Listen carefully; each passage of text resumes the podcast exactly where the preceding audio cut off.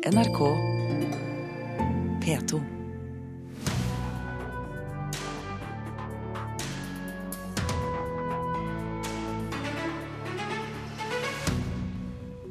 Det er synd at artister, skuespillere og kjendiser blir valgt inn i kommunestyrene på bekostning av mer dedikerte politikere. Det mener en statsviter ved Universitetet i Stavanger. Tullprat, sier nyvalgte Kristoffer Joner fra samme by.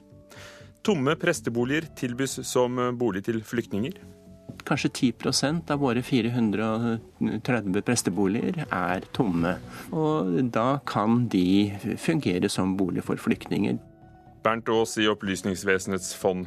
Litteratur og populærkultur har gjort spiseforstyrrelser til et kvinneproblem, sier eksperter som etterlyser bøker av menn om menn. Og ukens film her i Kulturnytt er en ny vri på tiden etter jordens undergang. Hør anmeldelsen, øh, og delvis slakt, av Maze Runner her hos oss. Kulturnytt i Nyhetsmorgen i NRK. Det er problematisk at eh, kjendiser, artister, skuespillere får plass i kommune- og bystyrene bare fordi de er kjente. Det mener statsviter Svein Erik Tuastad.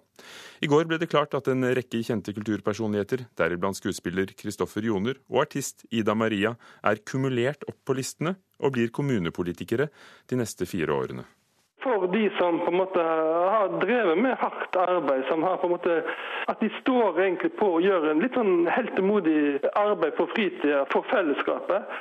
Og så er det der noen som egentlig bare suser forbi i køen. Vi snakker om en 80 meter høy bølgehell. Skuespiller Kristoffer Joner, aktuell med filmen 'Bølgen', er en av flere kjente kulturpersonligheter som nå er valgt inn i norske kommune- og bystyrer. Syns jo eh, politikk er ekstremt gøy. Det sier Joner på telefon fra filmfestivalen i Toronto i Canada. Dette er jo en, altså, det er en ny ting for meg. Det er helt klart. Også artist Ida Maria, skuespiller Geir Kvarme, komiker Shabana Rehman og Hilde Skovdal, mest kjent som Charter-Hilde, er blant flere kjente navn som etter mandagens valg skal fungere som lokalpolitikere. Men at kjendiser får personstemmer ved kumulasjon og klatre forbi mer dedikerte politikere på partilista er problematisk, mener statsviter Svein Erik Tuastad ved Universitetet i Stavanger. Uten å egentlig har kvalifikasjoner, og egentlig uten å ha gjort noe annet enn det å være kjent. Så det er litt ugrei følelse for disse hverdagsheltene som ikke er kjente, og som på en måte da ikke kom inn på bekostning av politikere som, som kanskje egentlig er flinke i noe helt annet. Etter ti minutter så finnes det ikke Geiranger lenger. Kristoffer Joner mener statsviteren snakker tull. Jeg, syns det høres veldig merkelig ut hvis en statsviter skal si det, at det finnes bare noen spesielle mennesker som skal få lov å holde på med politikk. Det syns jeg høres Og det tror jeg han vet sjøl òg, at han nå snakker han litt tull. Statsviter Tuastad tror enkelte av kjendisene har et brennende engasjement og kan gjøre en god jobb, men at andre kan få seg et sjokk av hvor lange, innvikla og ofte kjedelige kommunestyremøter er. For å bli gode politikere, så kan ikke folk bare stille opp en kveld nå og da, men der må de virkelig jobbe med sakspartiene, være med i de politiske prosessene. Jeg vet jo ikke helt hva jeg går til, fordi jeg har aldri sittet i bystyret før. Skuespiller Geir Kvarme er valgt inn som bystyremedlem for Høyre i Oslo, og er bl.a. kjent fra teaterscenen og TV-serien Fredrikssons fabrikk. Jeg vil ikke være med på det her, altså ikke over mitt liv. Bystyremøter er Kvarme gjerne med på, og tror han kan gjøre en god jobb til tross for at han er fersk. Jeg er vel den eneste på høyrebenken som ikke har noe særlig politisk erfaring. Det er jo også en fordel, tenker jeg. Jeg har ikke politikk jeg skal forsvare. Jeg kan gå inn med litt sånn nye, åpne øyne, og det mangler ikke på ideer på hva jeg syns på en måte Oslo-politikken bør handle om.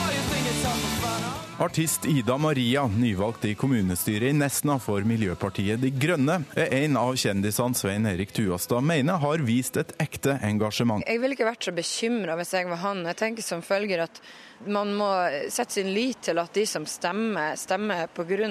at de har tro på at det her er det rette. Og så har vi jo også vareordning, så det vil si at kan ikke en person møter den dagen, så er det faktisk noen andre som står klar for å ta den plassen. Hvis ikke jeg er flink til det jeg holder på med, så må jo jeg backe off. Det må jeg være mann nok til å si. Hvis jeg ikke kan hjelpe til, så er det ikke noe vits at jeg er der. Sa til slutt Kristoffer Joner til reporter Torkil Thorsvik.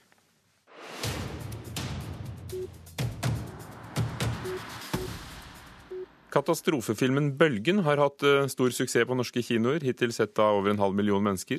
Tidligere denne måneden ble den også Norges Oscar-kandidat. Og i natt, norsk tid, ble filmen altså vist på filmfestivalen i Toronto i Canada. Det var derfor Kristoffer Joner var på telefon derfra i sted. Der fikk den ifølge produsenten, Martin Sundland, veldig god mottakelse. Nå har vi jo vi har vært, eh, vært her borte i fem dager, er det vel, og det har jo vært fantastisk mottakelse over hele linja.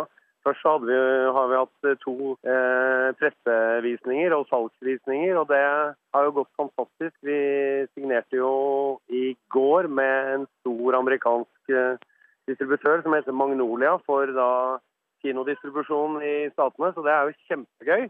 Og så hadde vi først i dag den store publikumsvisningen, og det var jo er jo veldig veldig spennende å se hvordan, eh, hvordan det skulle gå. Ville de ta humoren, hvordan ville de ta eh, ta filmen. Og det var unison positiv tilbakemelding fra alle sammen.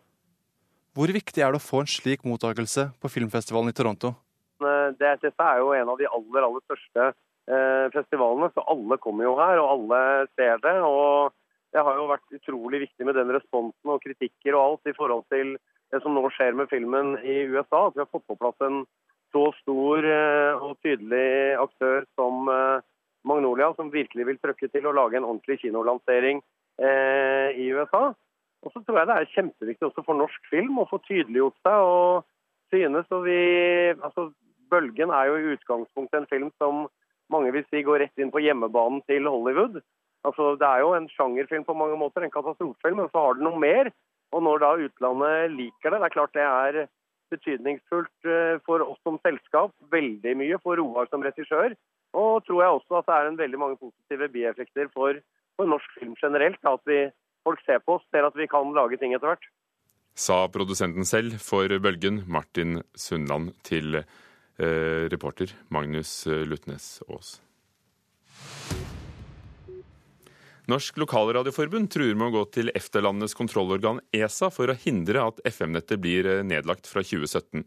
Radiometro-sjef og P4-gründer Svein Larsen sier til Dagens Næringsliv i dag at han ønsker en vurdering av om Norge har brutt med internasjonale avtaler og forpliktelser, når eh, det ble besluttet å slukke FM-nettet og gå over bare til digitalradio, DAB. Besøkende i Nidarosdomen i Trondheim fikk et sjokk da de opplevde at Statens vegvesen holdt seminar inne i kirken, samtidig som det ble gjort klart til en begravelse. Kunstner Håkon Bleken har tidligere kritisert Nidarosdomen for sin kommersielle virksomhet. Han synes det er uhørt at katedralen blir brukt til seminar. Kirkeledelsen i Trondheim beklager det som skjedde, og lover å skjerpe rutinene sine, skriver Adresseavisen. Flere kvinner skriver bøker om sine opplevelser med spiseforstyrrelser, men eh, nesten ingen menn gjør det samme. For interesseorganisasjonen ROS, Rådgivning om spiseforstyrrelser, er det et problem at spiseforstyrrelser fremstår som et, eh, et kvinneanliggende. De får støtte av en av de forfatterne som har skrevet om sin sykdom, Marianne Clementine Håheim. Plutselig så står du i mørket på et liksom sånn offentlig toalett i et lite bysentrum og krafser deg fram i blinde for å spy, og det er klissete og ekkelt, men du gjør det for du må. Marianne Klementine Håheim forteller om det uglamorøse livet med bulimi og anoreksi i sin kommende roman 'Sorte belte'. Da hun var syk, fant hun selv håp i litteraturen. Det å kunne lese og se at andre har gjort de samme desperate tingene som deg og vært gjennom det samme, og gjerne kommet, liksom, klart å komme ut på andre sida. Det gir en slags trøst, da. Håheim trer inn i en rekke med navn som Linnea Myhre og Kristine Getz. Kvinner som forteller om egne erfaringer med spiseforstyrrelser. Men det er noen stemmer som mangler. Jeg hørte på et band som heter The Used. Eh, og han vokalisten synger jo om å ha bulimi. Eh, men det er vel en av mine ganske få møter med spiseforstyrrelser og menn i populærkulturen sånn i det store og hele. Men NRK har vært i kontakt med de store forlagene i Norge, som alle bekrefter at de enten får få eller ingen manuskripter fra menn som vil skrive om menn med spiseforstyrrelser. Ja, jeg syns det var vanskelig sånn, fordi det ikke var noen andre menn som snakka om det, eller som Man kunne ikke lese om det noe sted. Da. Det var hele tiden et kvinneproblem. For rundt to år siden slet Leif Sørensen med spiseforstyrrelser, og han følte seg alene. Selv valgte han å blogge om problemet, noe som overrasket. Det var, jeg hadde en del venner som var litt sånn Shit, det visste jeg ikke. Uh, jeg har aldri tenkt over at måte, du kunne fått det. Med litt sånn implikasjon at du er mann og ikke kan få det, da. Jeg tror at det blir opprettholdt som et kvinneproblem når det bare er kvinner som skriver om det. Jeg stopper fingrene i halsen. Og bildet av spiseforstyrrelser som et kvinneproblem opprettholdes i populærkulturen. Som i den svenske filmen 'Min lillesøster', som snart kommer til Norge. Her utvikler en tenåringsjente anoreksi. Irene Kingswick i ROS rådgivning om spiseforstyrrelser tror dette medfører at menn vegrer seg fra å være åpne om lignende problemer. Stigmaen i samfunnet gjør at eh, det er vanskelig både for kvinner og menn, men fordi det er en kobling veldig ofte til kvinner, så blir det enda vanskeligere for en mann å innrømme at dette er faktisk noe som også angår meg som mann. Selv opplever de en økende pågang fra menn med spiseforstyrrelser, og hun etterlyser nå deres historier.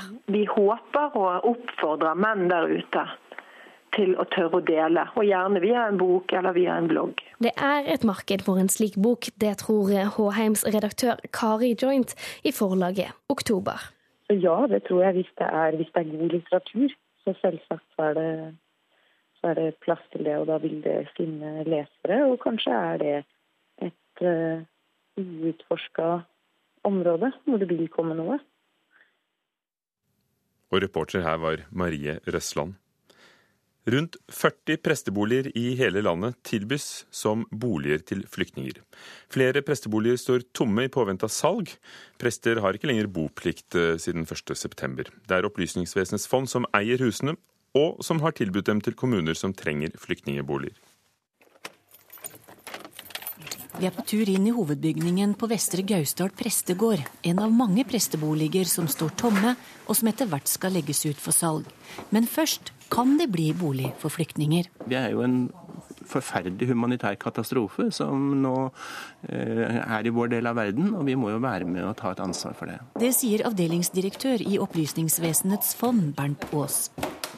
Ideen om å ta presteboligene i bruk ble lansert i en kronikk i Fredrikstad Blad av Arve Negård og Per Christian Skauen fra Kirkens Bymisjon i Østfold. Årsaken er at boplikta for prester opphørte 1.9. Og i kronikken oppfordret de til at flest mulig av de fristilte boligene tilbys flyktninger. Kanskje 10% av våre 430 presteboliger er tomme. Noen er jo under oppussing, men andre er også tomme fordi prestene nå har flyttet ut. Og da kan de fungere som bolig for flyktninger. Ja, det er interessant innspill for oss i, i Gausdal. Vi har ikke så mange muligheter på eh, eiendomssida til å snu oss rundt fort, i hvert fall. Og eh, Prestegarden er ikke noe som vi har tenkt på tidligere, så det er kjempegodt innspill. Svarer ordfører i Gausdal Hans Oddvar Høistad fra Arbeiderpartiet. Ellers er det flotte almetrær her. De staselige omgivelsene på prestegården i Vestre Gausdal har altså ikke vært i kommunepolitikerne sine tanker når de lette med lys og lykte etter boliger. Her må kommunene stille opp, altså. Men men eh, så er det slik at på Stud sikt så har vi utfordringer når det gjelder nettopp boligsituasjonen. Derfor tror Høistad at dette er en kjærkommen idé til mange små kommuner som sliter med å bosette flyktninger raskt. Ja, det vil det helt sikkert være. Og, og inni det arbeidet så er dette her kjempeinteressant. Sa ordføreren i Gausdal, Hans Oddvar Høistad, vår reporter Torunn Myhre. 17 minutter over åtte, du hører på Nyhetsmorgen i NRK. Hovedsaken i dag. Minst fem mennesker har mistet livet, og én million ble evakuert etter et kraftig jordskjelv har ført til tsunami i Chile. Det henger tunge regnskyer over flere fylker på Sør- og Østlandet i dag. Flere områder kan bli rammet av flom i løpet av dagen. Mange ingeniører har mistet jobben i oljebransjen. Likevel sliter kommunene med å få folk til ledige ingeniørstillinger. Og i Trondheim satser spillutviklere på å lage et stort miljø for spill Og det gjør de i et gammelt hus, som vi hører mer om senere i Kulturnytt. Hvordan gikk folk kledd i Nord-Norge for 1000 år siden? Det kan man få vite ved å ta turen til Tromsø museum de neste ukene. Der blir nemlig Nord-Europas eldste komplette klesdrakt for første gang stilt ut.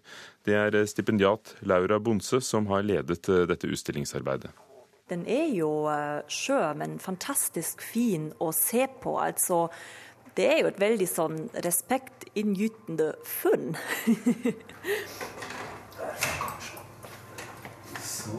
Det er fint hvis man ser den pelsen ved skoene også. Justering av lys inne i et av utstillingsrommene ved Tromsø museum. I en svakt belyst monter ligger Skjoldhamn-drakten, det eldste komplette antrekket i hele Nord-Europa, forteller konservator Dikka Storm. Det er en innerskjorte som vedkommende hadde på seg, den øverste til venstre der, med en stående krage og en brystklaff. Og så har vedkommende da hatt en kofteaktig kjole på yttersiden. Og så har vedkommende hatt par bukser med nydelige border i nederkant eh, på yttersiden av ankelen og nederst. Og så er det en hette. Det er, det er klær som på en måte er tilpassa en høst- og vår- og sommertilværelse i, i kystområdene i Nord-Norge. Skjoldehamn-drakten ble funnet under torvstikking i ei myr på Andøya i Nordland i 1936. Først antok man at drakten var fra 1500-tallet. Senere dateringer viser imidlertid at drakten er rundt 1000 år gammel. Men fortsatt står mange spørsmål ubesvart. Skjelettet, som da er på Anatomisk institutt, er vanskelig å analysere, så er ikke, vi har ikke kjønnet på vedkommende. Og så vet vi jo ikke om de klærne som ligger her, var de vedkommende gikk med da, i hverdagslivet. Men vedkommende var begravet på en sånn omsorgsfull måte at det var nok en person med en viss stand. Skjoldhamn-drakten ble i mange år oppbevart i Bergen, før den i 2009 ble overført til museet i Tromsø. Her jobbes det fortsatt med å avsløre draktens mange hemmeligheter. Ideen med denne utstillinga er jo at den skal være en plattform hvor vi kan tenke ut nye ideer og innfallsvinkler og stille spørsmål ja, hva er det egentlig vi kan forske videre på. For det ligger jo et stort potensial i det funnet. Det finnes mange typer analyser, særlig naturvitenskapelige, som enda ikke er utført på det funnet. Så vi har lyst til å vise mulighetene og hva slags informasjon som kan være mulig å få ut av den drakten i framtida. Og det var Rune Norgård Andreassen som hadde snakket med Laura Bonse og de andre om Skjoldhamn-drakten på Tromsø museum. Det er den klassiske musikken som får de fleste pengene av regjeringens talentsatsing for kultur, Talent Norge. Mens talenter innen bildekunst, scenekunst og ballett får til sammen 10 millioner kroner i støtte, får klassiske musikere 55 millioner. Daglig leder i Talent Norge sier til Klassekampen at stiftelsen er avhengig av privat støtte, og at det klassiske musikkmiljøet har dokumentert høy kvalitet, og det setter de private sponsorene pris på. Mens Star Wars-fans venter i spenning på neste film som kommer på kino til jul, kan de mest hardbarkede tilhengere glede seg over muligheten til å skaffe seg gamle kostymer og gjenstander fra de tidlige filmene.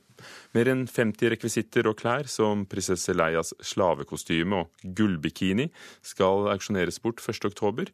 Gullbikinien er vurdert til rundt 800 000 kroner. Og vi holder oss til filmens verden. En av ukens premierefilmer byr på virkelighetsflukt, og det i form av andres smerte. Maze Runner er en fantasi over livet på jorden etter sivilisasjonens undergang. Einar Gullvåg Staalesen anmelder.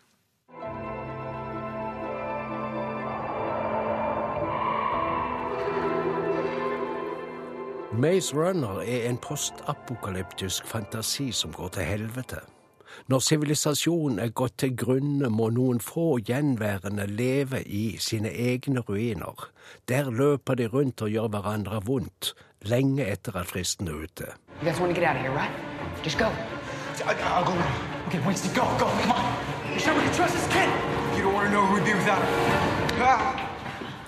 Livet etter døden er veldig mye annerledes enn predikanter og andre med budskap har forklart oss. De som går og står og håndterer våpen fortsatt, skaper seg nye samfunn i kjellerganger og industribygninger som ennå ikke er falt sammen. Noen finner næring utenfor jordens overflate. Man har da moderne flyflåte. En gruppe mennesker er immun. Dermed må vi forstå at andre har en pest eller en bittsykdom eller lignende som verker og minner om at enden er nær enda en gang.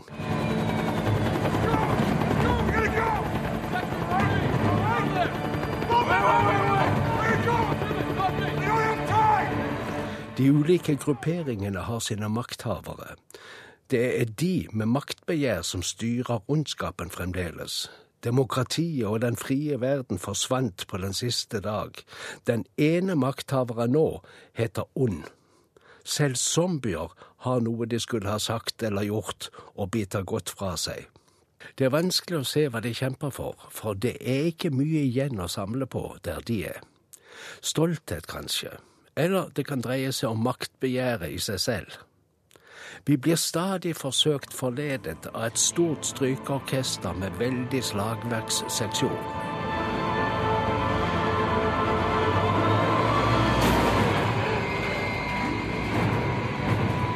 I ett tilfelle akkompagnerer orkesteret et kyss. Kanskje er det to kyss. Det er filmens oppløftende øyeblikk. Underholdningen ligger i nær-døden-situasjoner, nesten katastrofer og skrekkelige smerter. Så bør vi bli betatt av storveiskulisser, av sammenraste byer og forblåste ørkenlandskap. De som har skapt de visuelle illusjonene, er særdeles flinke folk. Nå skal jeg røpe slutten. Fortsettelse i neste nummer. Det er litt å bygge videre på, ikke mye. Kom, kom, on. Let's go, let's go. You guys go ahead. There's something I gotta do. What are you talking about? Trust me, it's important. You guys want to get out of here, right? Just go. Einar Gullvåg Staalesen om Maze Runner, labyrintløperen, som får premiere denne helgen. Og han snakker flere, om flere interessante filmer og fenomener i mørkets opplevelser i P2 i morgen tidlig klokken seks, eller alltid på radio nrk.no. I Trondheim, nederst i Munkegaten, settes et gammelt hus i stand for å bli til kjernen i en stor satsing på spillutvikling i byen. De vil bli størst, og det er et stykke fra dagens virkelighet. Men om kort tid skal ting skje, mener de ukuelige entusiastene i Work Work. Det finnes ikke noe lignende i hele verden, så vidt vi kjenner. Sier daglig leder i Work Work, Marius Thorvaldsen. En av flere entusiastiske unge menn som har kasta seg ut i det store blå. Vi møter dem blant stillas, gipsplater, treverk og tre etasjer.